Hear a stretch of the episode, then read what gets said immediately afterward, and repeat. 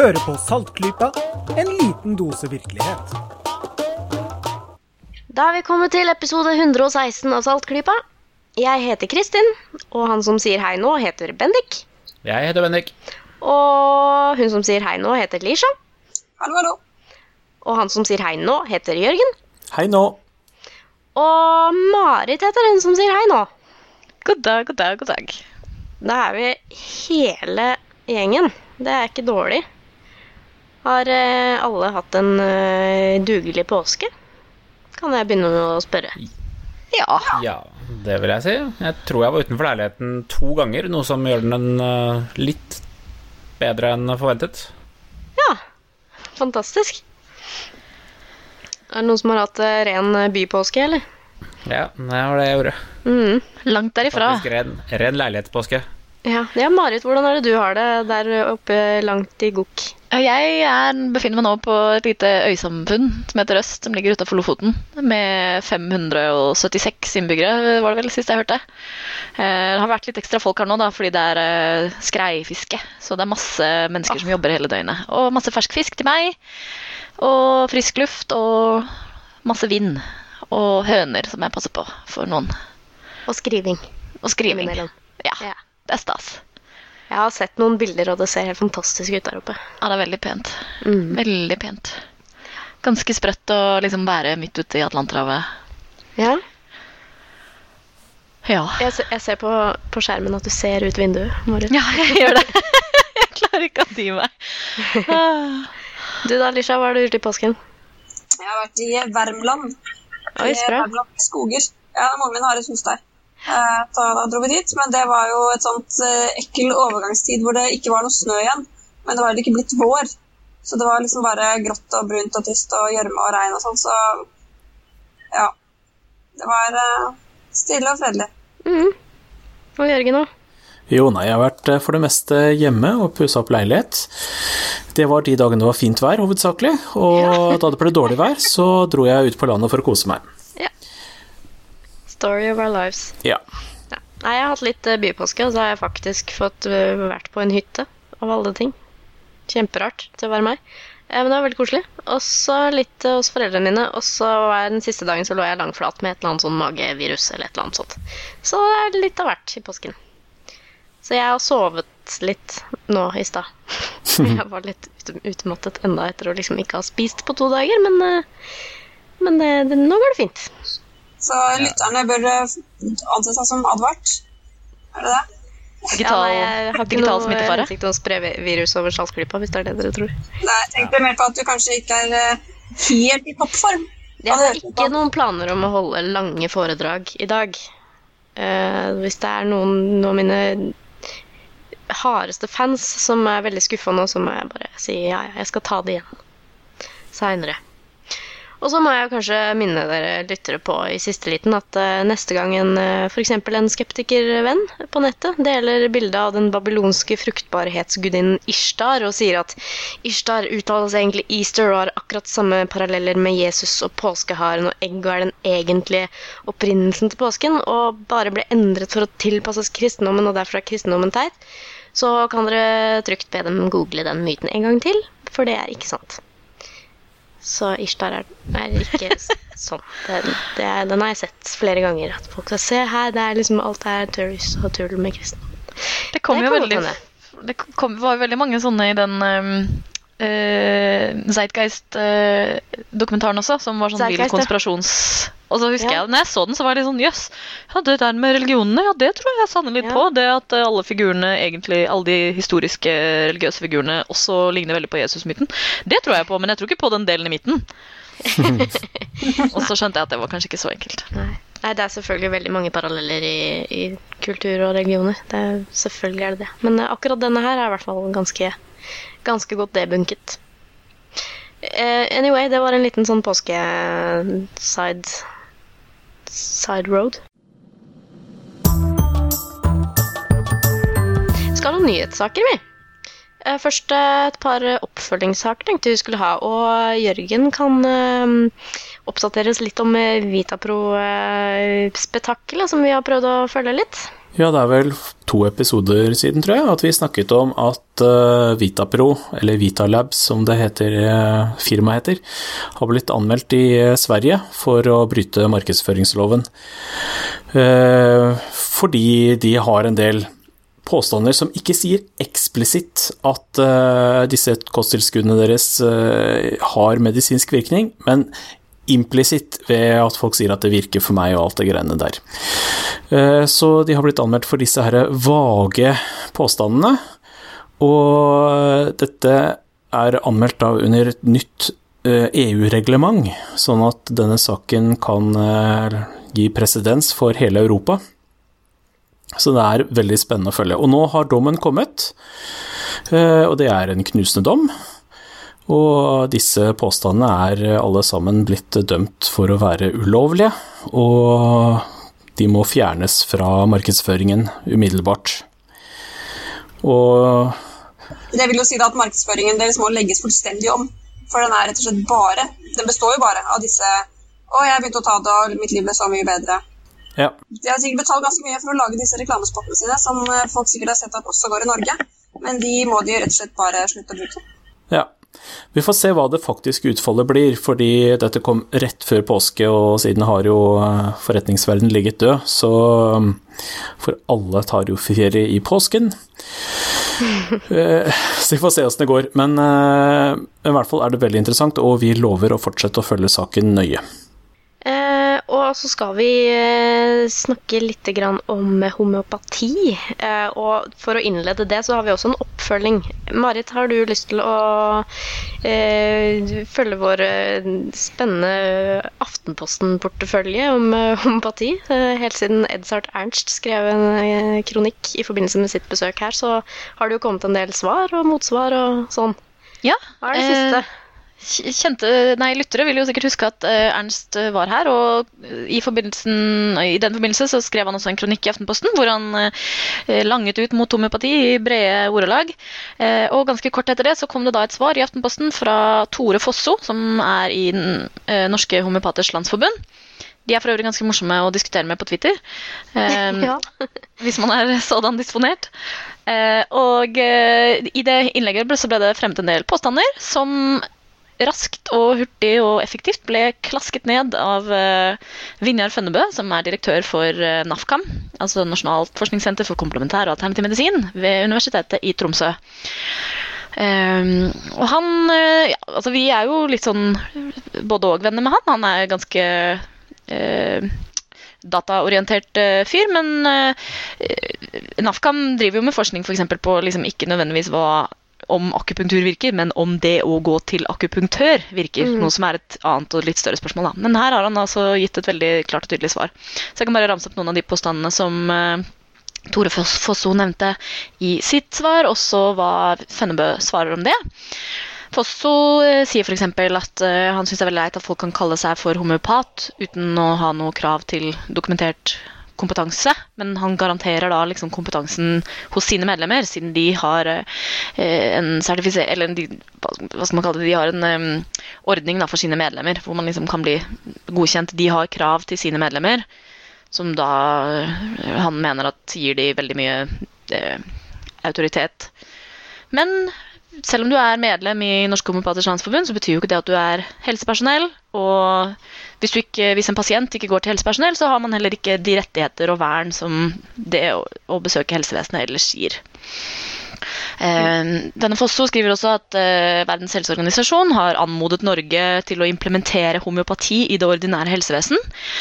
Og Fønnebø, som har ganske mye kontakt med helseorganisasjoner og, og, sånt i hele verden, han sier at han absolutt ikke kjenner til det i det hele tatt. Det eneste han kjenner til, er at det har blitt anbefalt at uh, altså medlemslandene gjør seg kjent med hvilke alternative behandlinger som brukes, og om å ha et helhetlig helsefokus som tar høyde for at alternativ og konvensjonell behandling blir brukt.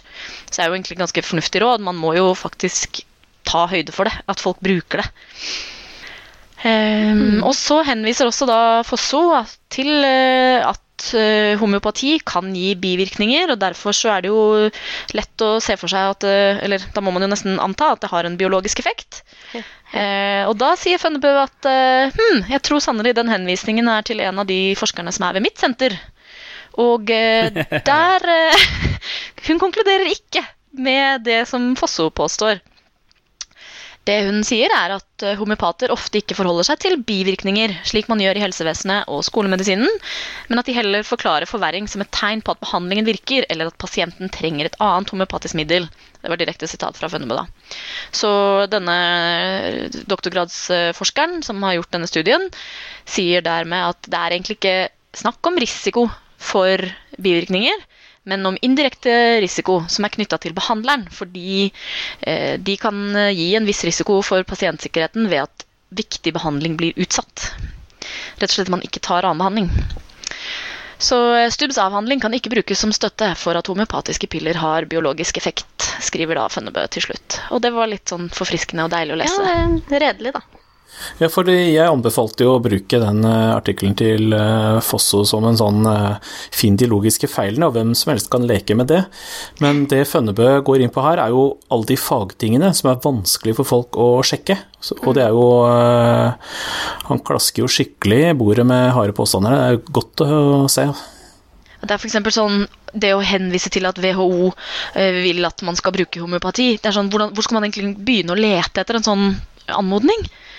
Det er jo et enormt uh, skjemavelde og dokumentvelde som kommer ut av, av, disse store verdensorganisasjonene. Det er ikke bare bare å begynne å surre rundt inni der og finne Har de noen gang sagt noe? Og prøve å liksom bevise en negativ på den måten. Ja, det første man bør gjøre, er å si til han, da. Hvor har du hørt det? Kan du ja. få en kilde? Ja, ikke sant. Han burde jo lete opp det. Så det er litt snodig. Men apropos å bevise negativer, kanskje jeg bare skal rase videre i neste sak? Ja, for uh, i Sveits så har det nettopp uh, skjedd noe veldig rart.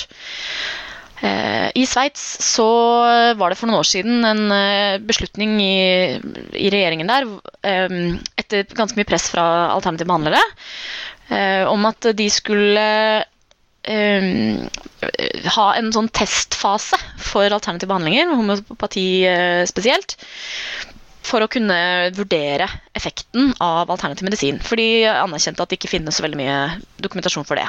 Men uh, regjeringen var veldig klare på at dette skulle være en midlertidig ordning mens man prøvde å finne ut av spørsmålet. For de ville ikke liksom si at vi vet ikke, derfor, derfor er det greit. Uh, men det som nå har skjedd, er at uh, nå som testfasen nærmer seg over, og de ikke har klart å finne ut noe særlig, så sier de La meg bare oversette direkte fra nyhetsartikkelen her. Ehm, departementet har kommet til den konklusjon at det er umulig å verifisere effekten av disse terapiene. De har derfor bestemt seg for å akseptere dem på linje med andre medisinske uh, linjer eller retninger. Hæ? Er du sikker på at du leste riktig nå? Det er jo Alt er galt i den setningen. Altså Fordi vi ikke kan falsifisere det, så skal vi godta det. Men det er jo ja, og på veldig mye rart man kan si da, liksom som da vil gi like mye mening, holdt jeg på å si. Altså. Ja, men det er jo ikke bare det at uh, vi skal godta det, men det skal jo også dekkes av uh, denne helseforsikringen de har. Og da kommer jo skattepenger inn. Ja.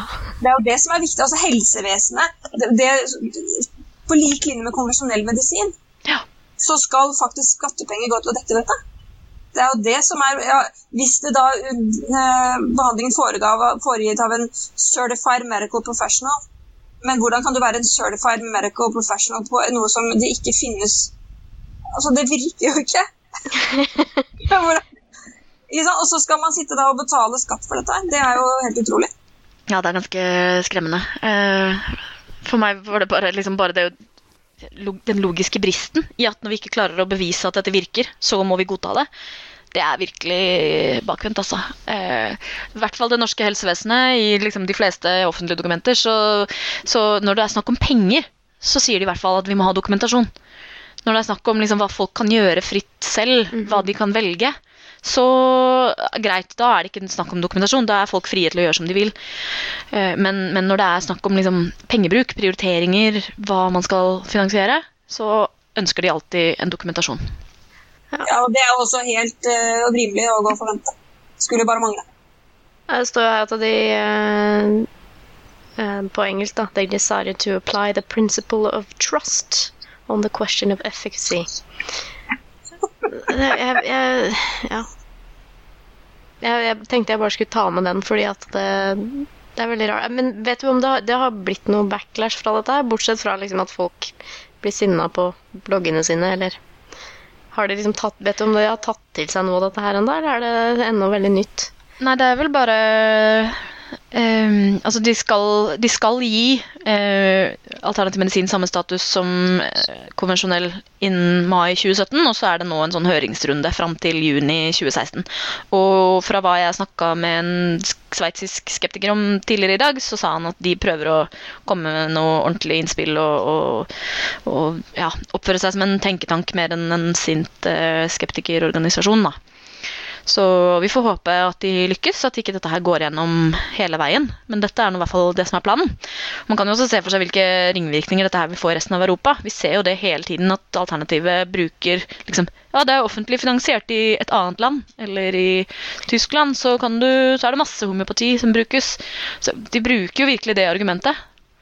Ja, og det er jo et argument som eh, har en viss eh, tyngde. Altså når f.eks. det britiske helsevesenet eh, bruker eller tillater eh, sine ressurser da, å bli brukt eh, til homeopatisk behandling, så er det klart at for mange som ikke har satt seg inn i hva dette egentlig er for noe, så har det jo en vekt.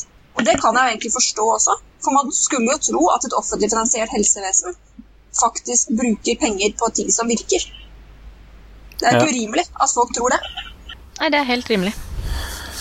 Og samtidig så er det jo sånn at eh, homopati og enkelte andre veldig populære alternative behandlinger får, har kommet inn i helsevesenet rundt omkring, nettopp fordi de har klart å kjempe seg til sånne unntak av et eller annet slag. Særlig homopati har det mange steder hvor de har eh, nærmest eh, blankofullmakt til å bare pøse nye medikamenter eh, ut på markedet osv. uten kontroll, fordi eh, en eller annen har en eller annen gang bestemt at eh, homopati skal få fripass.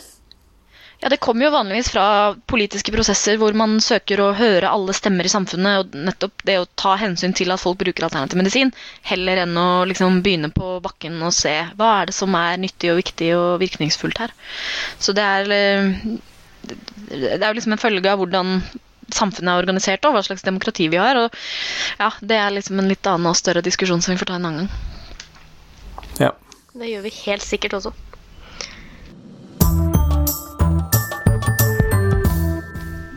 Vi skal holde oss til eh, folk som kaster masse penger på ting som ikke virker, eh, vi. Eh, Det er jo greit å, greit å ta opp her på Saltklypa. Eh, Jørgen eh, skal daske Dagens Næringsliv litt. Ja, jeg trenger vel egentlig ikke å daske så mye, for det har andre gjort for meg. Jeg har nemlig ikke sett den artikkelen i Dagens Næringsliv i det hele tatt, for den er bak en betalingsmur. Ja. Eh, Men Dagbladet derimot har eh, slått opp saken og snakket med en del eksperter. For eh, denne artikkelen i Dagens Næringsliv-magasinet, som da artikkelen heter 'Det grønne skiftet', handler om folk som har masse penger og valfarter til en privat klinikk som heter Hippokrates, hvor et opphold kan koste 90 000 kroner for tre uker. Eh, og skal hjelpe folk med en total omlegging av kostholdet for å bli veldig, veldig friske. Eh, og en av de ting Altså, det er en sånn fluff-sak som eh, er teit, men den kunne vært ganske uskyldig med hvordan rike mennesker er de sunneste i gåseøyne, eh, fordi de har råd til å dra på sånne ting.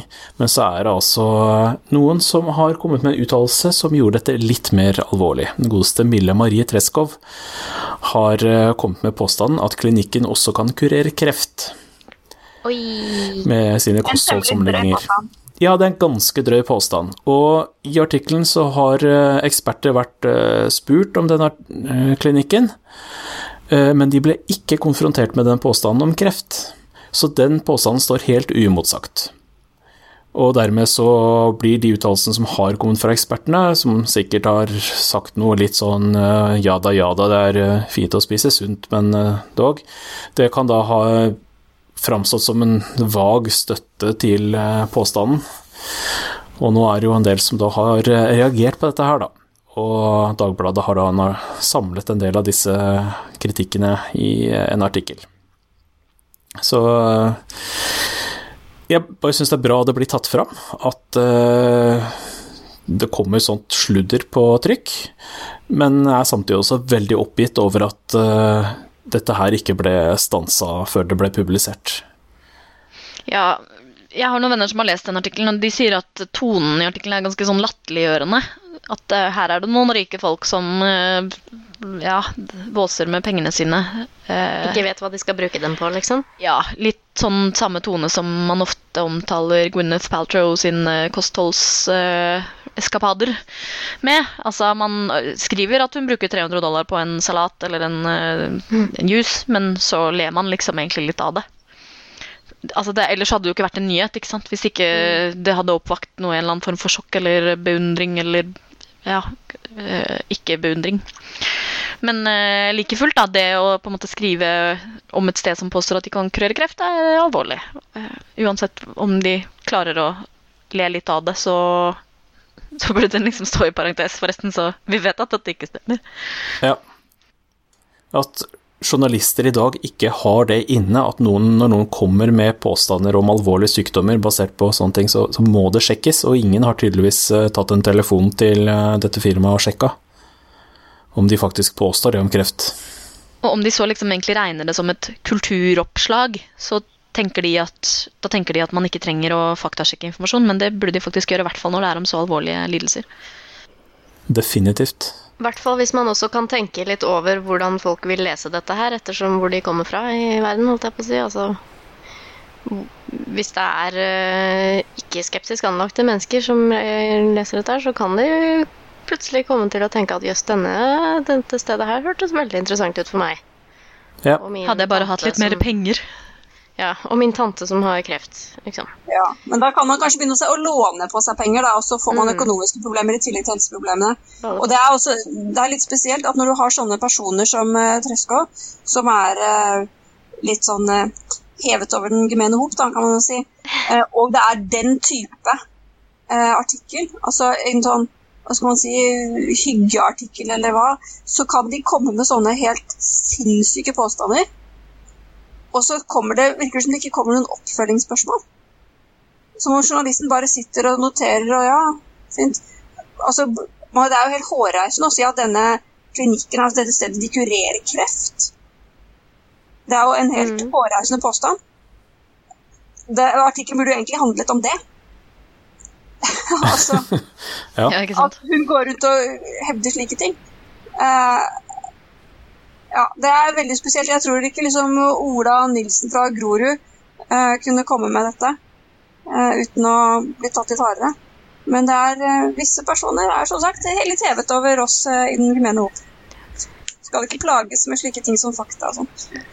Kunne jobba litt med vinklingen sin, da, i hvert fall. Ja. ja, det vil jeg absolutt si. Og sine sanser for røde flagg.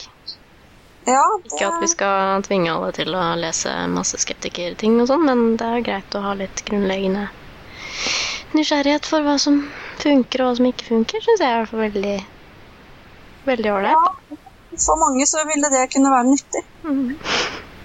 For å si det fint. Mm.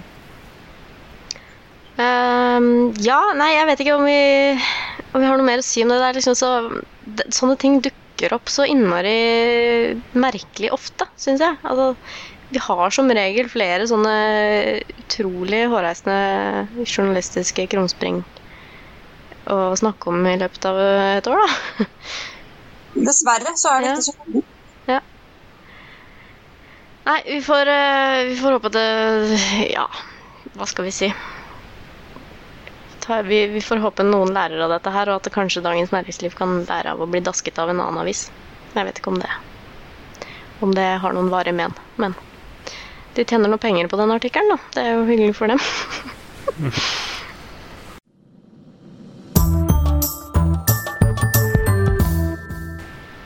Skal vi ta litt uh, påskenytt igjen, holdt jeg på å si. Altså, det skal jo ikke stikke under en stol at påsken har visse ting med kristendommen å gjøre. Litt sånn som innledningsvis sagt. Uh, uh, så jeg, jeg, har litt lyst til at Jørgen skal si litt om kirkens status. Jo, altså jeg er jo veldig glad i påskeferien. Jeg syns det er en glimrende ferie. Jeg er jo ikke selv helt ureligiøs, men jeg setter pris på ferien likevel. Selv om den har et religiøst opphav. Og da er det jo litt interessant, da. Hva tror folk egentlig på? I dette landet som har en del religiøse høytider. Og det eh, har man prøvd å finne ut av. Det er eh, statens eh, Oi, hva heter den? SSB. Nå sto stille. Statistisk sentralbyrå. Statistisk sentralbyrå. Takk. De har spurt folk hva de faktisk tror på, og sammenlignet eh, medlemmer av statskirken med ikke-medlemmer av statskirken. Og det som er slått opp som den store nye saken, er at bare 48% av de som er medlemmer av statskirka, definerer seg som kristne. Ja. Og det er jo for så vidt eh, en ganske heftig, et heftig funn. For så vidt betyr- ikke så veldig overraskende, men eh, Så det betyr at Humanitisk Forbund er Norges nest største humanistorganisasjon? ja, faktisk. Det gjør jo det, da. Uh, ja, det, du kan godt se sånn på det. Men man måtte også, det hadde vært interessant å vite av de 48, eller de 52 prosentene da, som, vel, som da er medlem, men ikke er kristne, hvor mange av de har prøvd å melde seg ut og senere blitt meldt inn igjen uten sin viten. Det, Det er nok eh, noen eh, Det er nok en viss prosentandel, det òg, så vi kunne fått tallet litt ned da, hvis vi bare tok med de som faktisk vet at de er medlem. Og det er jo også veldig mange som, eh, som eh, tror at de er medlem i Human-Etisk Forbund f.eks. etter at de har hatt humanistisk konfirmasjon. Eh, Men det er jo ikke tilfellet, for det er jo liksom en separat greie. Eh, mange andre lignende ting. Hvis de liksom har hilst på Human-Etisk Det er nesten så de tror at hvis de har hilst på Hef en gang på gata, så, så tror de at de er medlem. Det er jo sånn det fungerer med den katolske kirken, så Ja, det er nesten bare å heter du? Ja, å, ja, Manuel. Ja, men det er greit. Da noterer jeg meg det. sier den katolske kirken. Ja, men vet dere hva det der, det med katolsk kirke, det er faktisk ikke en spøk. altså. En venn av meg, han er uh, chilener. Han kom til når han er andregenerasjons innvandrer, han kom hit da han var barn. Han ble oppringt, det var vel i fjor. uh, så sa de at de ringte fra den katolske kirke i Norge. Og er du sånn og sånn fra der og der? Ja. Han kunne jo ikke nekte for det. De hadde riktig navn. Og så spør de, for, og det her var etter at de fikk pålegg dere, om å eh, sjekke da, at de faktisk eh, hadde riktig medlem, at folk som var medlem, ville være medlem. Og da spør de han er du døpt katolsk. spør de. Og da måtte han jo svare ja, så han er født i Chile og bodde der til han var fire år. Så ja, han er jo døpt katolsk. Og da burde jo naturlig oppfølgingsspørsmålet vært er du katolikk i dag? Ønsker du å være medlem i Den katolske kirke? Da ville svaret vært nei på de spørsmålene, men det gjorde de ikke. Han svarte ja, var døpt katolsk, så sa de ok, takk, ha det. Så la de på. Oi! ai, ai, ai. For det er jo egentlig opp til religionen selv å definere sine medlemmer, eller hva, hva det kreves for å være Det er faktisk noe jeg lærte, ja. Det, det er faktisk Ja, veldig altså, sant. Men samtidig så har jo staten en del krav for å få statsstøtte til organisasjonen Ja, sin. Saken er at det var, dette var da etter at de hadde fått liksom, konkret beskjed fra myndighetene om at de måtte ha bekreftelse at folk ønsket å være medlem. Og det, da er det viktig å huske på han er døpt katolsk, men ikke i Norge. Men i sitt opprinnelige hjemland Chile er han døpt katolsk. Og det har ingenting med den katolske kirken i Norge å gjøre, for det er en helt separat organisasjon som han aldri i hele sitt liv har hatt noe selv å gjøre med. Men altså, nå skal vi ikke spore helt av, for denne saken handler jo også om statskirka, ikke om den katolske kirke. Eh, Men Det det, er jeg syns er interessant her, det er når man sammenligner statistikken for eh, eh, de som er medlemmer i statskirka, og de som ikke er det. For da er det altså 48% av statskirkemedlemmene som oppfatter seg som kristne. Eh, Og hvis du ser på de som ser på hele befolkningen, så er det 40% De tallene er ikke så forskjellige. Eh, Så er det eh, hvor si, Har du en tro på en skaper, men ikke noen bestemt religion, er et av spørsmålene.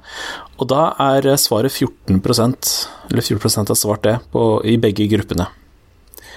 Og på spørsmålet om man er ikke-troende eller ateist, så er det altså 33% i statskirka som har svart det, og I statskirka, ja. Mm. 39 i resten av befolkningen. Det vil si, det står hele befolkningen, så jeg er ikke sikker på om eh, statskirka er blanda inn der. Eh, Det er litt vanskelig å lese den statistikken her, sånn den er presentert i denne artikkelen. Men, Når men, det står hele befolkningen, så er det sannsynligvis medlemmer i statskirken også. Ja. eh, men disse statistikkene ser, eller disse gruppene som er eh, ført opp i et skjema her, er veldig like. Eh, Påfallende like. Så det syns jeg er interessant. Men da hører jo også med at i hele befolkningen så har du jo også folk i andre kristne menigheter som ikke er statskirka. Eh, Så dette her eh, er ikke noen klar og tydelig statistikk, egentlig. Altså, den er egentlig ganske rotete. Eh, Men i hvert fall ganske spennende å se hvor mange som ikke er spesielt religiøse i statskirka. Det er veldig, veldig mange. Vet du hvordan spørsmålet om kristen tro ble spurt? Altså ble stilt? Jeg har ikke gått inn i selve statistikken, så jeg har bare det som står i artikkelen her. Eh, Det kan jo tenkes at eh, mange, mange som kaller seg selv kristne, kanskje ikke egentlig tror bokstavelig på oppstandelsen, f.eks., eller treenigheten, eller sånne ting, da, selv om det egentlig er veldig, veldig sentrale deler av kristendommen. ja, ja, så jeg kan eh, Det er tydeligvis vært et avkrysningsskjema, og jeg kan bare bare si åssen det i hvert fall er framstilt eh, i artikkelen her. Så er det 'oppfatte meg som kristen'. Ja, ikke sant? Ikke sant? Der er det ikke noe om innholdet, det er bare hva du oppfatter deg som. Og så neste er 'har en eh, annen tro enn den kristne'. Det er for øvrig 1% av statskirka og 2% av hele befolkningen. Og så er det gruppa 'har en tro om en skaper, men ikke noen bestemt religion', som altså er 14 i begge grupper. Eh, og så er det 'er ikke-troende, ateist'. Og i tillegg er det en gruppe på, som vil ikke oppgi. Så det sier ikke noe særlig om trosinnholdet for i hvert fall kristne, bare om man oppfatter seg som kristen. Og det er altså bare 48% av statskirkemedlemmene som har ført opp. Sånn jeg tenker på det her, så er det liksom to måter å forholde seg til det her på. Enten så kan man si at eh, alle de som eh, ikke tror på Gud, men som er medlemmer i kirken, er litt hyklere, for de tar ikke religionen alvorlig. De, eh, ja, de gjør som de vil. Eh, eller det er litt dårlig gjort, liksom, å være, være ateist og være medlem i kirka. Da lyver du liksom om det. Eller så kan man si at eh, den norske kirke, folkekirka, den er egentlig liksom det norske religiøse samfunn. Og så, har vi, så fyller vi det med den mening vi har, fordi det er jo et ganske demokratisk opplegg. Så er det liksom bare en sånn historisk artefakt at det tilfeldigvis er noe protestantisk. Jeg var i den situasjonen fram til nylig. Eh, jeg var medlem fram til eh, Ja, for et år siden cirka, var det vel. Så flink at du meldte deg ut nå omsider. Ja, eh, det, det måtte til å få en kjæreste som jobba i Hef, da, for å, for å gjøre det. Eller, eller hun, hun gir jo også æren til at noen faktisk lagde en app som gjorde det for meg. Ja, men app, vet du, da forandrer, det forandrer alt. Det forandret alt. eh, Men, men jeg, jeg så på det jeg, jeg var jo klar over det. Og jeg, dette her er min, min tankegang, eller hva jeg hadde oppi hodet mitt når jeg tenkte på den stillingen. Jeg, jeg var jo klar over at det er motstridende konsepter og ideer. Sånn, I hvert fall på papiret. Men jeg var litt sånn ja, Jeg er med på å vaske bort veldig mange av uh, uh, Veldig mye av kulturen på dette her, føler jeg. Siden jeg da som en ikke-troende var medlem, så vil jeg være med å, å dra stat statistikken nedover. Nettopp den der. der. Hvis, jeg, hvis vi alle hadde meldt oss ut, så ville det jo sagt at 100% av medlemmer i statskirken var kjempetroende. Og det hadde ikke vært noe gøy. Så du ville Jo, hvis- med statistikken, rett og slett. Hvis kirken hadde vært da 38% av befolkningen, og alle de hadde trodd på Gud, så hadde det vært helt greit, det. Og jeg tenkte også da at hvis jeg var Ikke at jeg noensinne gadd å gjøre det, men jeg kunne da ha stemt i kirkevalg og sørget for at eh, de mer liberale stemmene ble hørt der. Jeg kjenner flere som har gjort det. Og, og litt, eh, litt sånn, da. Så ja, det var litt dissonans oppi hodet mitt uh, på det hele, men, men i bunn og grunn så hadde jeg også den konklusjonen at den norske kirken er så utvanna uansett at det spiller egentlig ikke noen rolle om man uh, er Eller jeg, hadde ja, spiller ikke så stor rolle. Den er, skal representere alle medlemmene sine, og hvis en av medlemmene er skikkelig hippie-ateist, så får den representere det også, som best den kan. Ja. Nei, men det er helt uh, legitimt, syns jeg. Så lenge kirken har den innmeldingspolicyen de har, at de i bunn og grunn eh, følger med på fødselsregistrene eller får melding fra sykehuset når et barn blir født, og dersom en av foreldrene er medlem, så blir også barnet medlem, OSV osv. Så, videre. så da syns jeg det er greit. Men eh, jeg syns jo Jeg personlig syns at det er bedre når organisasjoner har medlemmer som har lyst til å være medlemmer der, og som ikke bare er der fordi de ikke vet at de er der, liksom. Ja, noen av de som er intervjuet i artikkelen, er jo, som er medlemmer eh, uten å være troende, sier jo at det er fordi de bare ikke har fått somla seg til å melde seg ut. Og jeg var kanskje litt kjappere i avtrekkeren enn Bendik, men jeg brukte jo nesten 20 år fra jeg tok et aktivt valg om at jeg ikke var religiøs, til jeg faktisk meldte meg ut. Så jeg er jo en av dem, jeg òg.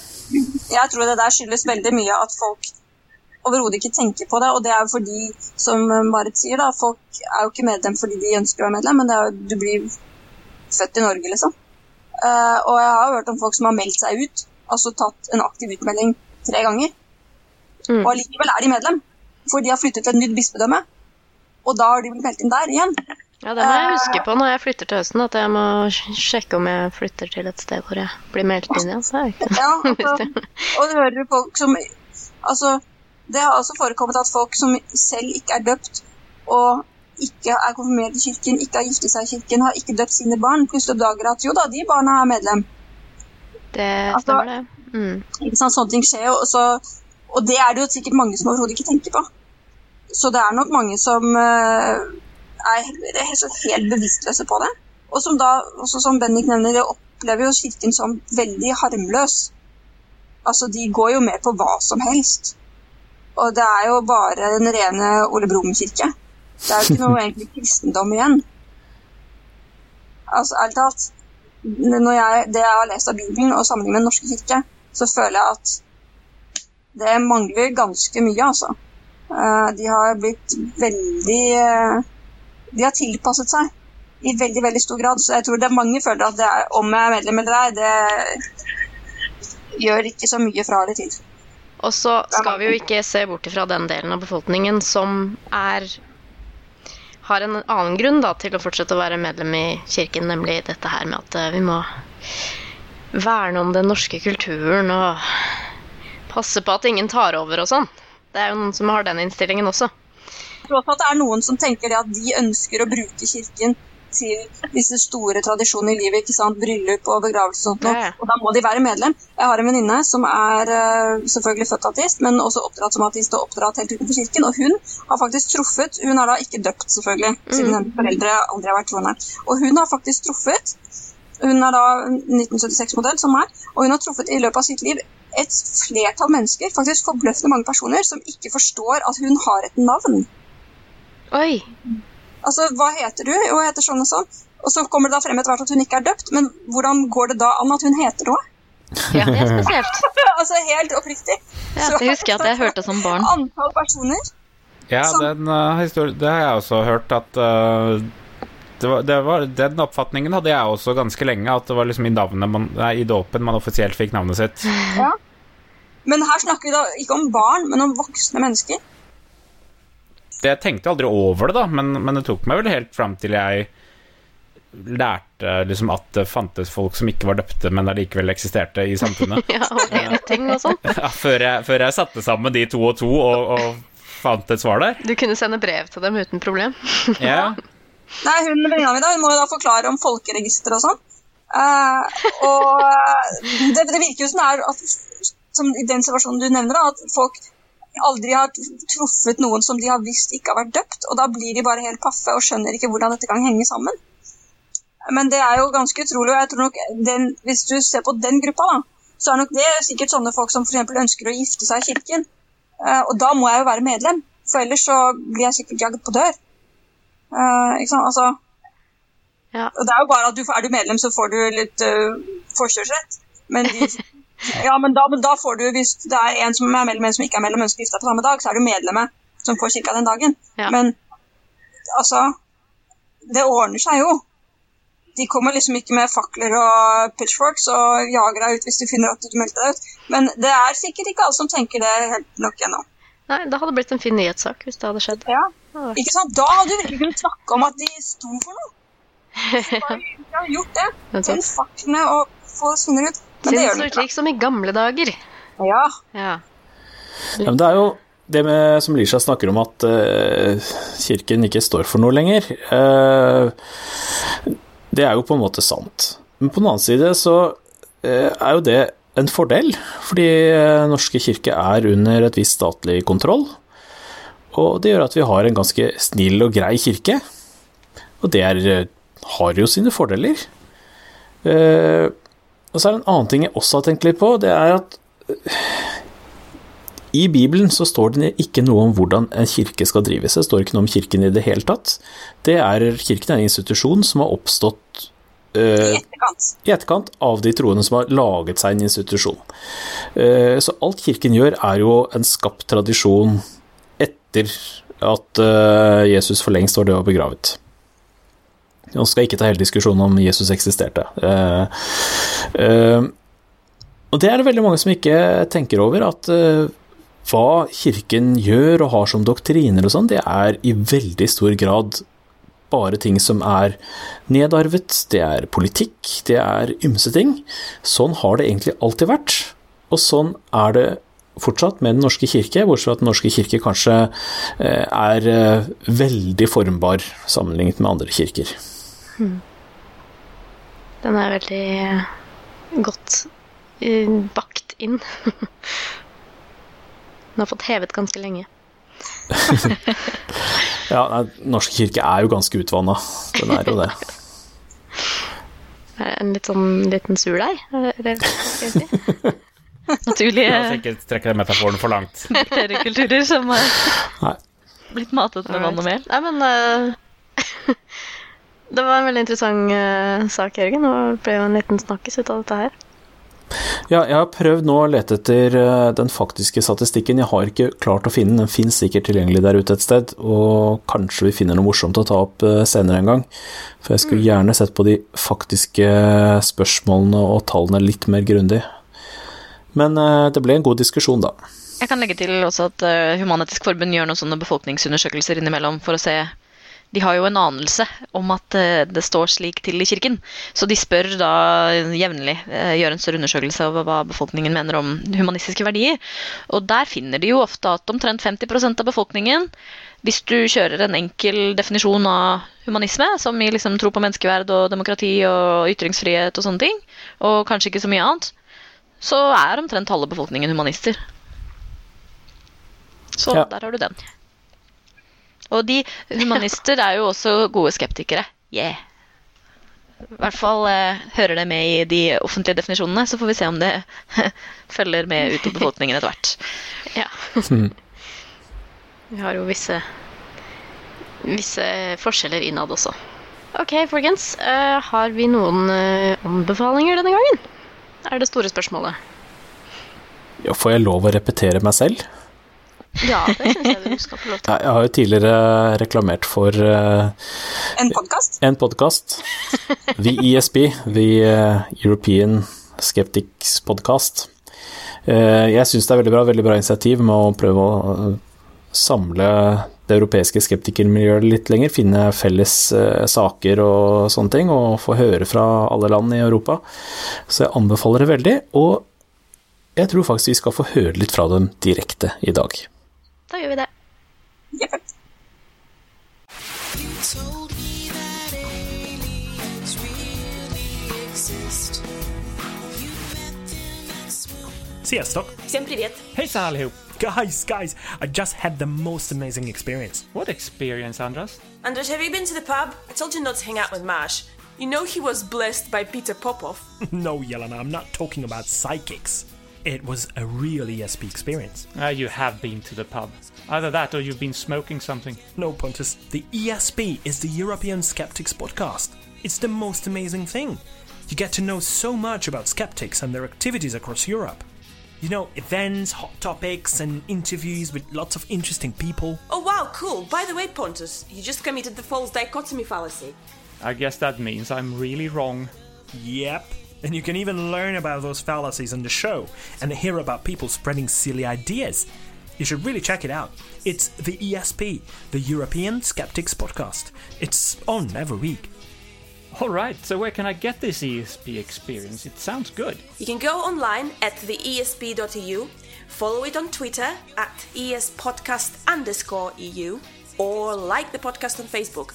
Oh, and you can also contact the show by sending them an email to info at theesp.eu. And if you want to subscribe, do a quick search for the European Skeptic podcast on SoundCloud, iTunes, or Stitcher. I don't know how you can believe.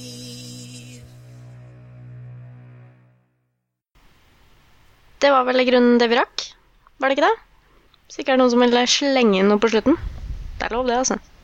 Det er forhold for i dag, syns jeg. Ja, det er greit. Vi har holdt på lenge nå. Får legge oss og sove.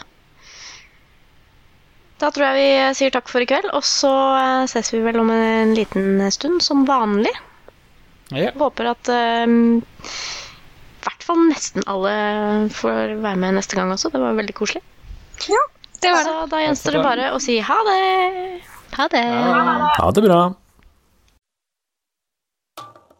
Saltklypa lages av Kristin Lisha, Jørgen og Bendik. Har du spørsmål, anbefalinger, ris eller ros, send det til post at saltklypa.no, eller finn oss på Facebook. Lenker til alt vi har snakket om i episoden finner du på saltklypa.no, hvor du også kan abonnere på podkasten for å få hver episode levert på døra helt gratis. Takk til Smart 9000 fra Evig poesi som har laget kjenningsmelodien.